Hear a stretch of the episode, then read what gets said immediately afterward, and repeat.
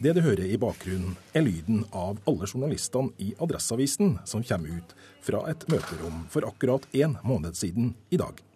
Stemningen er veldig spesiell og stille, for på allmøtet, som akkurat er ferdig, ble de ansatte informert om at 60 stykker vil miste jobben i avisa i løpet av de neste fire årene.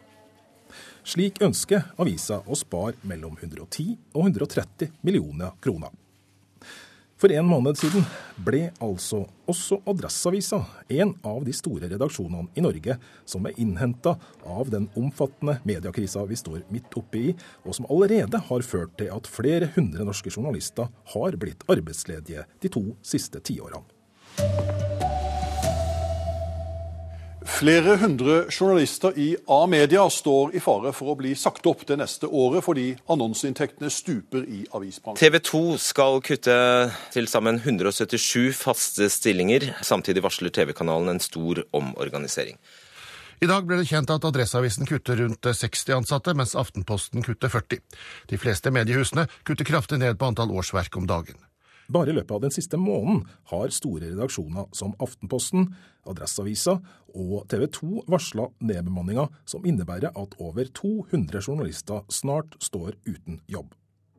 I dag undersøker Kurer hvilke krefter det er som gir oss færre og færre uavhengige journalister, og samtidig fører til at vi får flere og flere kjøpte reklame- og innholdsprodusenter. Det er en skikkelig tung dag. Det er, det er, en dyster stemning på huset. Det er tøft å se kolleger som er redd for hvordan det skal slå ut. Vi har jo visst lenge at, at, det vil komme tall som er store. Men det er litt med denne at uansett hvor mye du forbereder deg på noe sånt, så er på en måte, du er ikke forberedt lell. Når realitetene legges på bordet, så er det et sjokk uansett.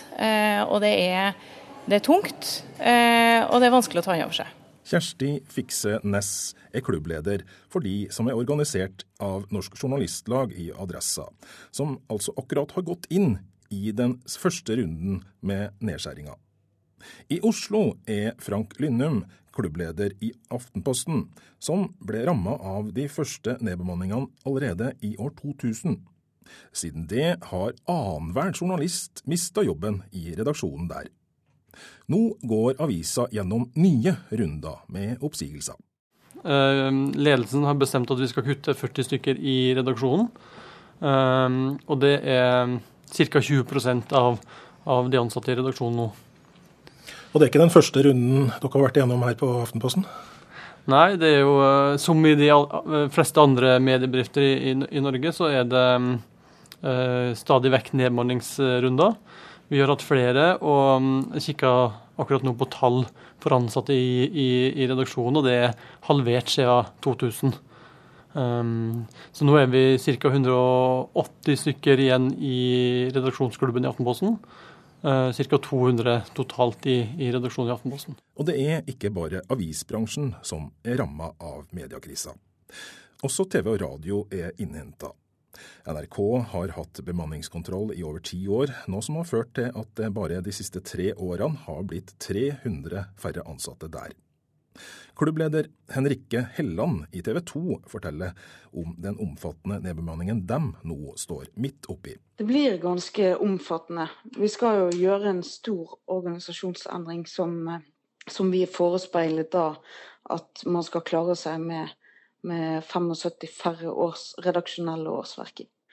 Um, dette er jo et, uh, en endring som gjør at man, man fjerner siloer og, og, skal jobbe veldig, etter en veldig flat struktur redaksjonelt sett. Tidligere så har vi hatt en tung politisk avdeling, vi har hatt en samfunnsavdeling, utenriks og uh, innenriks. Dette blir nå for utenom utenriks, som da skal være en egen avdeling pga. Av de sikkerhetsrammer de jobber innenfor. Så skal de andre avdelingene jobbe nå i en enhet som da er nyhetskanalen.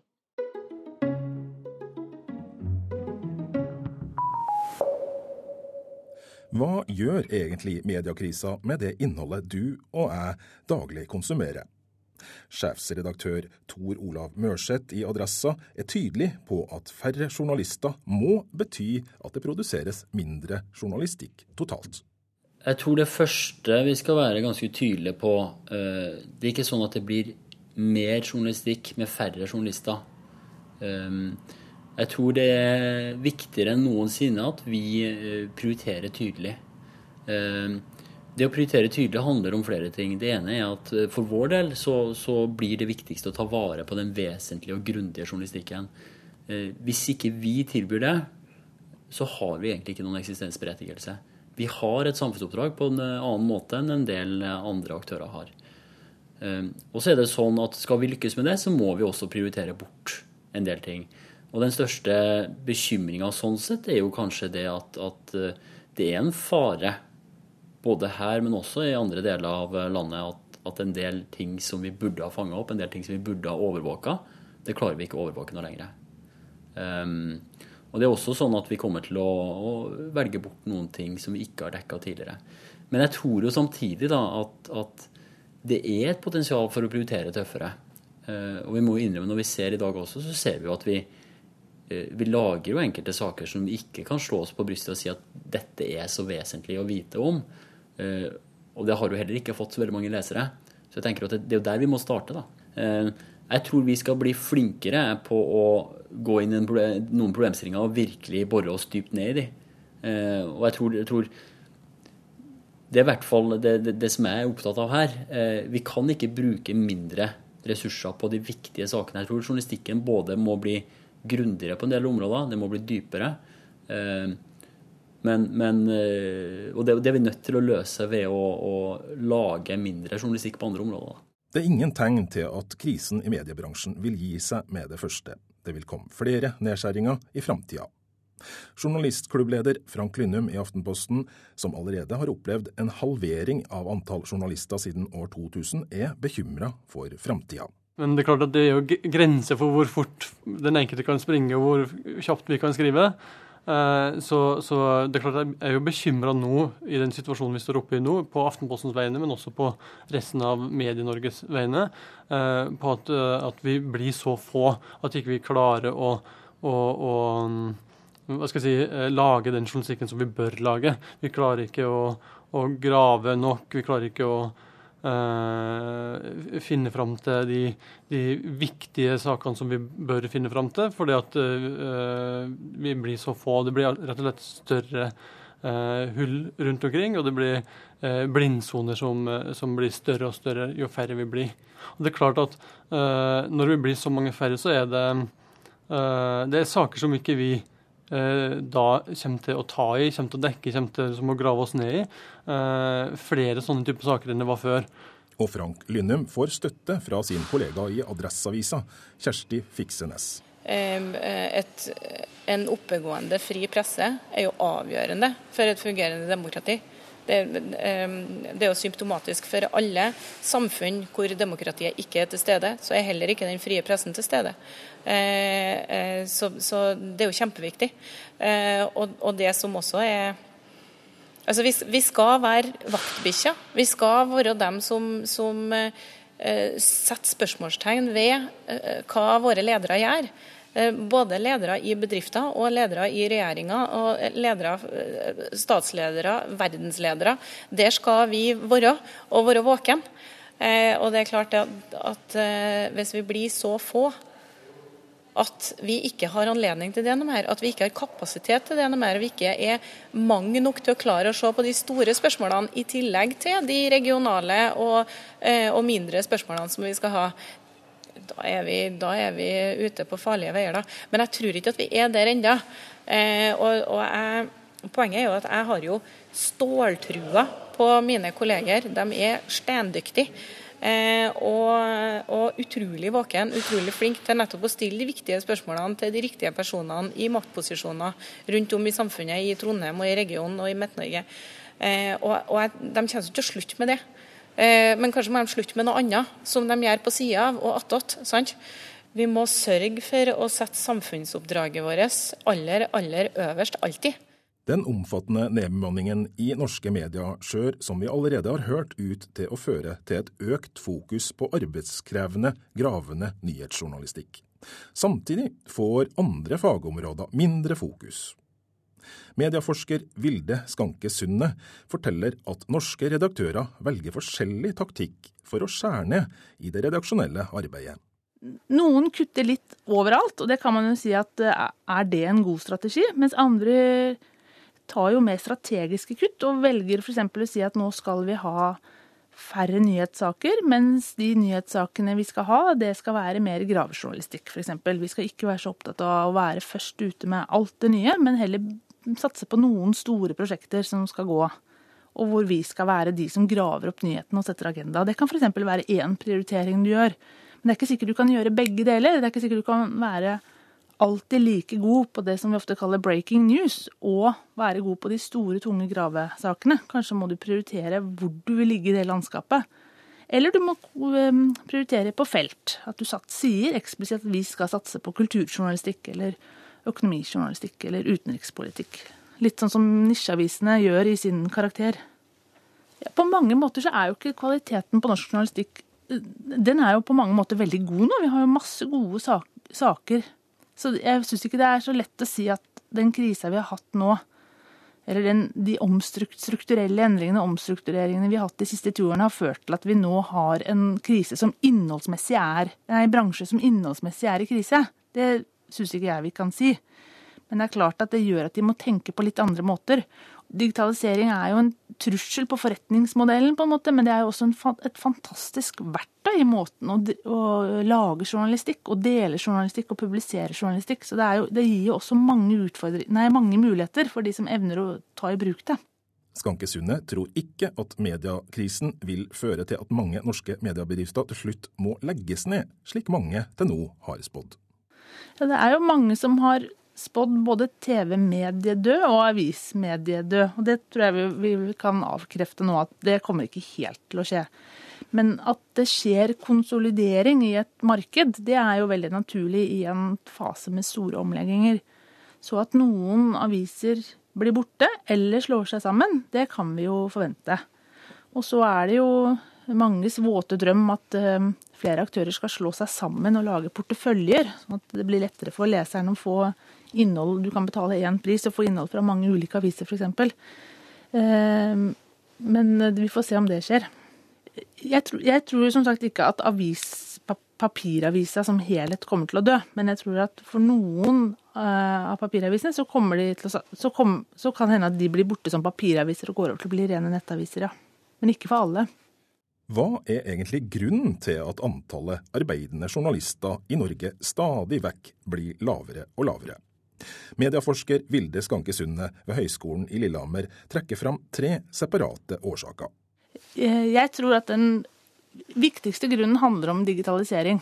Eh, og det, eh, og det er, liksom, Vi kan skylde på digitalisering for krise, men før jeg snakker mer om krise, så er det viktig å si at digitalisering er jo også en fantastisk mulighet for mediene. Så det er jo begge deler. Men det digitalisering gjør, det er jo at alle mediene som før var vant til å forholde seg til et par avgrenset antall konkurrenter, nå skal konkurrere med alle, uavhengig av hvilket medium det er.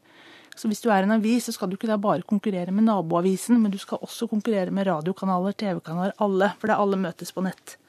Og så i tillegg så får du den tendensen som vi ofte snakker om internasjonalisering eller globalisering, som gjør at du skal ikke bare konkurrere med alle andre i ditt eget land, men du skal også begynne å konkurrere med andre i andre land. Så du får to tendenser. Og det betyr at konkurransesituasjonen blir helt annerledes.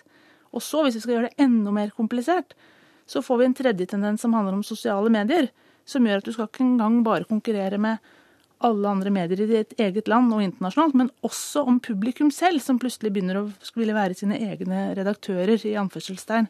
Så det blir jo en helt annen konkurransesituasjon enn mediene har vært vant til tradisjonelt. Skanke Sundet trekker altså fram fremveksten av internett og digitaliseringa av media som en viktig grunn til de dramatiske omveltningene i medieverdenen. Allerede i 2008 leste flere nordmenn nyheter på internett i forhold til de tradisjonelle papiravisene. Og Denne utviklinga har bare forsterka seg. Stadig mer av nyhetslesinga foregår på internett. Et annet viktig element i utviklinga er at store internasjonale selskap som Google og Facebook nå har tatt solide jafs av det norske annonsemarkedet. Og jakten på nye inntekter har i Norge ført til økt klikkfokus, og at kjendisjournalistikk har fått gode vekstforhold.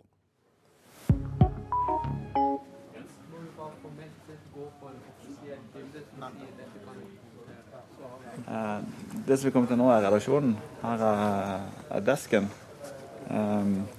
Så det er de ulike redaksjonene spredt. Her er sport, nyhet, eh, side tre, side to. Og innover i hjørnet der er det som heter content marketing. Altså ja, innholdsmarkedsføring. Det er redaktør Gunnar Stavrum som viser oss rundt i redaksjonen i Oslo.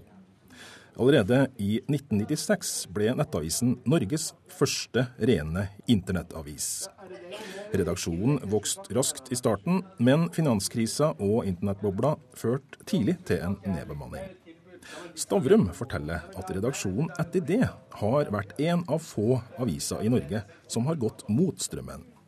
For mens andre redaksjoner nedbemanner, ansetter Nettavisen nye journalister. Vi var 120 ansatte på maks. Så gikk vi ned i 55 ansatte for fem-seks år siden. Nå er vi, siden har vi vokst og er oppe i eh, rundt 75 eh, i dag. Så vi har vel økt med 50 i løpet av de siste fem årene. Så mens de andre store mediehusene skrumper, så vokser dere faktisk? Det er riktig. Nå tror jeg ikke vi nødvendigvis kommer til å øke voldsomt fortsatt når det gjelder bemanning. Eh, jeg tror liksom vi er et spill her hvor det gjelder å holde kostnadene lave og få mest mulig inntekter ut av hver ting du driver med. Så, så å være kostnadsbevisst, det, det, kommer vi til å fortsette med. Og vi kommer ikke til liksom å ansette 10 og 20 og 30 ganger som vi gjorde tidlig på 2000-tallet. Så dere var litt ivrige en stund, da? Vi var veldig ivrige før eh, Vi fikk jo liksom både internettkrisen og, og annonsenedgangen og finanskrise samtidig. sånn at det har gått veldig harde kast i, i internettbransjen. Men hva er hemmeligheten med at uh, konjunkturpila til Nettavisen går opp når den går ned de fleste andre steder? To ting. Det ene er å være helt knallharde på kostnader. Altså, vi, vi, vi regner på nesten alt vi gjør. Hvis vi, hvis vi, skal gjøre et eller annet kostbart redaksjonelt som vi ikke ser at vi tjener igjen, enten på leser eller noe annet, så gjør vi det ikke. Og Det betyr ikke at jeg ikke ser at ikke det er gode artikler, men det er bare er nødt til å være kynisk og beina på kostnader. Den andre biten er at vi må være kreative på inntekter. Vi har av våre inntekter nå så er bare 60% annonsering. 40% er helt andre ting. Vi er f.eks. Norges største tippekommisjonær. Vi er ganske stor på shopping, markedsføring av klær. Altså, Finne nye inntektsveier, det er veldig viktig. Og så er det ikke mange avisredaktører i Norge som kan si at de har sin egen content marketing-avdeling? Nei, det er det ikke. Eh, vi var veldig tidlig ute med det eh, og har, vært, eh, har lært en del av hvordan det skal gjøres. Vi, vi har f.eks. vært nokså harde på at det er en egen avdeling. Det er ingen som jobber både kommersielt og redaksjonelt i Nettavisen. Du er Enten så er du redaksjonell, eller så er du kommersiell. De som driver med innholdsmarkedsføring, er kommersielle. Eh, så det å ha liksom eh, egne avdelinger, det tror jeg er veldig lurt, og ikke liksom surre det sammen i samme grøten. Stavrum mener at det ikke nødvendigvis er gitt at færre journalister betyr mindre journalistikk. Det er et, et, et vanskelig spørsmål. Eh, og det er en del ting som tyder på at det ikke nødvendigvis er sånn det er en god del journalistikk som det er bra egentlig forsvinner. Sånn, eh, ting som verken er viktige eller mye lest, eh, som er blitt lagd på vane. Eh, det er mulig å lage gode aviser med få personer, men det er selvfølgelig lettere å lage gode aviser med store redaksjoner. Og mens antallet journalister i Norge stadig vekk blir lavere, vokser antallet informasjonsarbeidere og innholdsprodusenter som jobber med betalt tekstreklame, nesten like mye. Administrerende direktør Per Eng Halvorsen i content marketing-byrået Redink i Oslo viser oss rundt i en redaksjon som stadig vekk blir større, og som produserer mer og mer moderne innholdsmarkedsføringsstoff. Ja, Vi kaller oss for et innholdsmarkedsføringsbyrå. Det er mange som eh, jobber redaksjonelt, men innholdsmarkedsføring er en veldig sammensatt disiplin. Hvor du trenger både teknologer, strateger, Eh, analytikere, eh, performancefolk. Men kjernen i alt det vi gjør, handler om god historiefortelling. Eh, og sånn sett er det nok de fleste jobber operativt med å fortelle gode historier. Her borte f.eks. så sitter antageligvis Norges største matredaksjon. Vi er større enn VG og Dagbladet og ja, hvem du egentlig vil sammenligne oss med. Vi når ut til ja, nesten et par millioner nordmenn i måneden med inspirasjon omkring hva du bør spise, nye oppskrifter. Eh, her sitter eh, bl.a. to av disse som eh, jobber operativt hver eneste dag digitalt. Sitter og optimaliserer saker for å inspirere nordmenn. Så disse to er nok de som kanskje har størst innflytelse på Eh, norske, eh, norsk matinspirasjon om dagen. Vi jobber for eh, matvarekjeder, vi jobber for matvareprodusenter, vi jobber for matorganisasjoner. I tillegg så jobber vi for veldig mange andre også, innenfor reise, organisasjonsliv. Vi, har, vi er Norges største selskap, og vi har en omsetning på ca. 100 millioner kroner. Nå er jo utgangspunktet for denne utgaven av eh, Kurer eh, nedskjæringene i, i, media. Men eh, her hos dere så har vel kanskje konjunkturen gått motsatt i forhold til f.eks. For ansettelse de siste åra? Ja, eh, her går det fort fremover, egentlig. Vi ser jo at eh, vi er midt i et, eh, en endring, jeg vil nesten kalle det en revolusjon i markedsføring. Uh, og Det er jo det som, eh, som, er årsaken til at det går så dårlig i mediene også. Det er jo at uh, uh, merkevarene i stadig større grad ser at de bør bli sine egne publisister. Og at den gamle måten å reklamere på egentlig var, handler om å forstyrre kunden i en eller annen form for leseropplevelse. Så nå bygger stadig flere av de store merkevarene sine egne innholdsunivers. Og det, det gjør de på en måte hvor de prøver å være nyttige nyttige og relevante for kunden. Ikke mase på dem, men prøve å gi kunden noe kunden egentlig er opptatt av. Ja, Du, du sier det så sterkt at uh, tradisjonell reklame er i ferd med å dø? Ja, vi tror ikke på tradisjonell reklame, og det sier vi også til kundene våre. at Skal du først uh, uh, har et, et, reklamebudsjett, så tror vi at det kan anvendes på en mye bedre måte enn det man gjorde i gamle dager. Og det handler i mye større grad om å bruke Eh, digitale kanaler, treffe kunden der eh, kunden er, i riktig modus til riktig tid. Og nå har flere aviser også tilpassa seg den nye markedsføringshverdagen som Per Eng Halvorsen i Redding beskriver. Aftenposten har sin egen adskilte content marketing-redaksjon, og det samme har Nettavisen hatt i flere år, forteller redaktør Gunnar Stavrum. Han mener at det har blitt en krevende utfordring for oss som forholder oss til media, å skille mellom journalistikk og tekstreklame. Helt åpenbart. og jeg tror nok vi lever i en virkelighet hvor, hvor ikke det bare er forvirring mellom liksom, kommersielt innhold og redaksjonelt innhold, men det er også forvirring mellom redaksjonelt innhold og sosialt produsert innhold. Altså Jeg tror leserne i dag og i framtiden må bli flinkere til å kategorisere hva som er hva. Så tror jeg også vi i mediene må bli flinkere til å fortelle dem hva som er hva. For egentlig så tror jeg ingen tjener på sammenblanding. Altså du lurer ikke folk til å handle ting de ikke har lyst til. Eh, ergo så kan du egentlig ganske tidlig i prosessen si at dette er innholdsmarkedsføring. Krisen i mediene har allerede vart i mange år, og vil trolig vare i flere år framover også. På en måte er det en transformasjon vi er vitne til, en fødsel om du vil. Den nye digitale mediehverdagen gjør at våre vaner endrer seg, og mediene må forandre seg med det. Den gamle mediehverdagen må omvandles til fremtidens mediehverdag. Og som alle andre fødsler er også denne fødselen smertefull.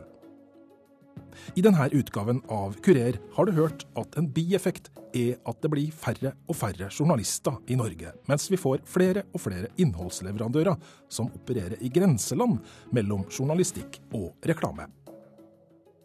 Nyhetsmediene opplever tøffe utfordringer, men dem vi har snakka med i arbeidet med dette programmet, er enige om én ting. I fremtiden vil grundig, betydningsfull og gravende journalistikk bli viktigere for de stadig slankere redaksjonene i landet vårt. Når man ikke lenger har tid til kvantitet, blir kvalitet det viktigste.